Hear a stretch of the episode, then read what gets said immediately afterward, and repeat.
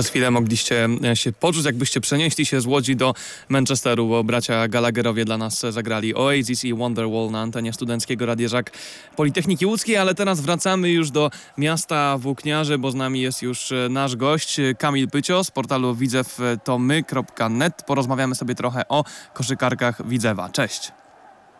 Dzień dobry koszykarkach Widzewa, e, których e, sezon niedawno dobiegł końca, playoffy, ćwierćfinał e, z PTK Pabianice, niestety zakończony porażką Widzewianek, niestety playoffy, które zakończyły już ich sezon, już ich rywalizację. Opowiedz, jak wyglądała ta rywalizacja, jak wyglądał ten mecz, mm, jak wyglądała ta walka Widzewa z PTK Pabianice?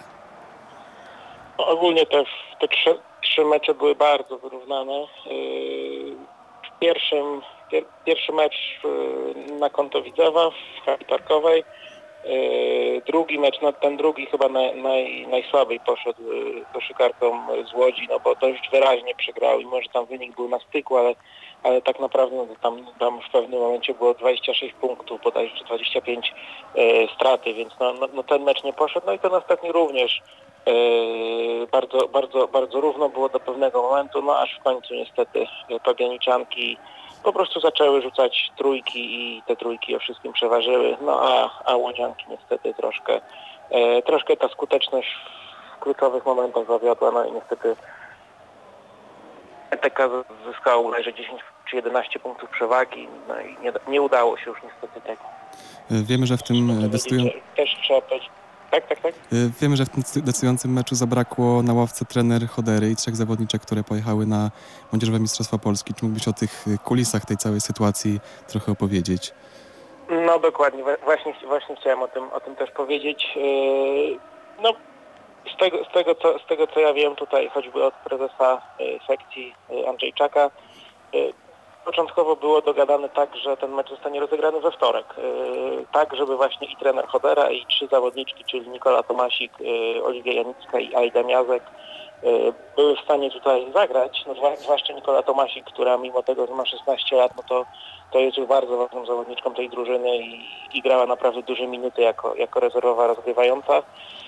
No niestety podobno tam Pabianiczanki, klub Pabianic później zmienił to zdanie, no i tłumaczył, tłumaczył się, że, że po prostu ma troszkę starsze zawodniczki i one i dla nich ten jeden dzień odpoczynku jest, y, jest bardzo ważny, no ale, ale wydaje mi się, że to było takie po prostu tłumaczenie, no i, i PTK chciało po prostu wykorzystać to, że, yy, że, że, że nadarzy się okazja, żeby zagrać z osłabionym przeciwnikiem bez trzech zawodniczek. No i, i tak się stało.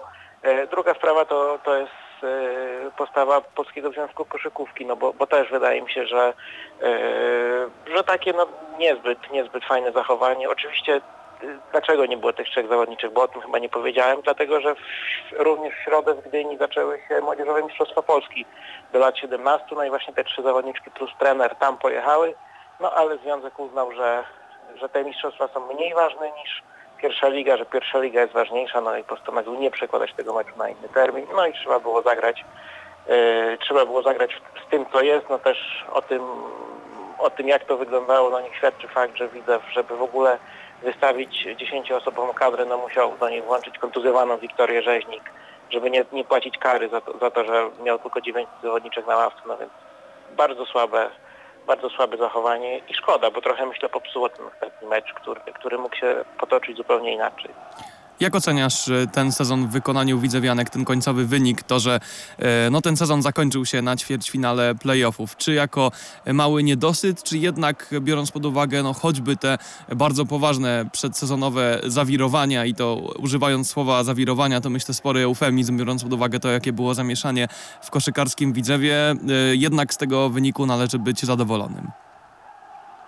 Ja uważam, że tak jak mówisz, na przed sezonem było, było sporo zamieszania i patrząc na, na, to właśnie, co się działo przed sezonem, to na pewno jest to wynik niezły, ale patrząc na to, co już się działo w trakcie tego sezonu, no to według mnie jest olbrzymi niedosyt.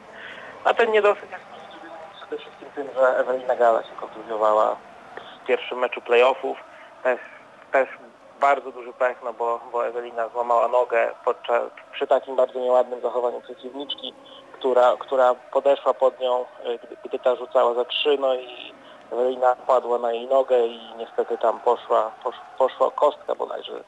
E, złamała nogę w kostce, jeżeli dobrze pamiętam, no i, i też musiała w ogóle po tym sezonie miała, planowała już kończyć karierę, no i niestety zakończyła już ją w trakcie playoffów. No a, a z Galą widzę wygrywał w tej lidze prawie z każdym, no nie licząc tam kilku jakichś, jakichś e, mniejszych e, wpadek, no to to była drużyna najlepsza w grupie B, a według mnie druga najlepsza w całej lidze. No i wydaje mi się, że gdyby, gdyby Gala była, no to, yy, no to na pewno według mnie finał był, był w, zasięgu, w zasięgu tej drużyny.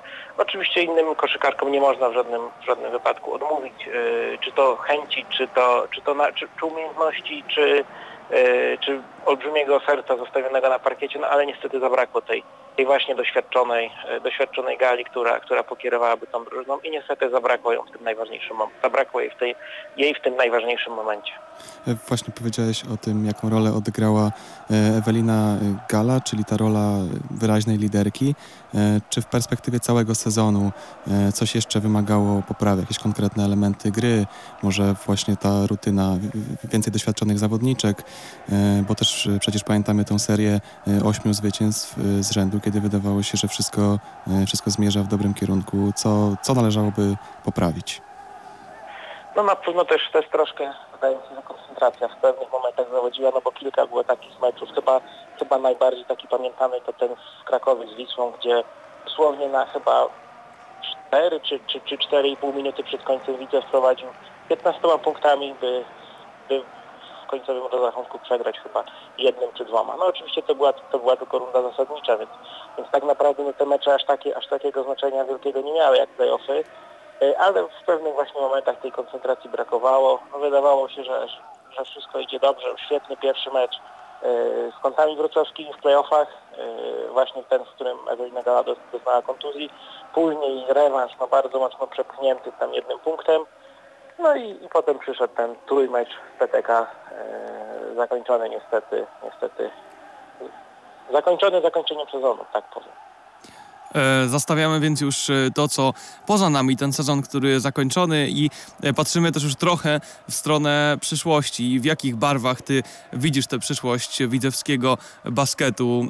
Czy wierzysz w to, że te problemy finansowe to już przeszłość, że ta przyszłość, jeśli chodzi o sprawy organizacyjne, będzie już bardziej stabilna i faktycznie w przyszłym sezonie celem może być awans?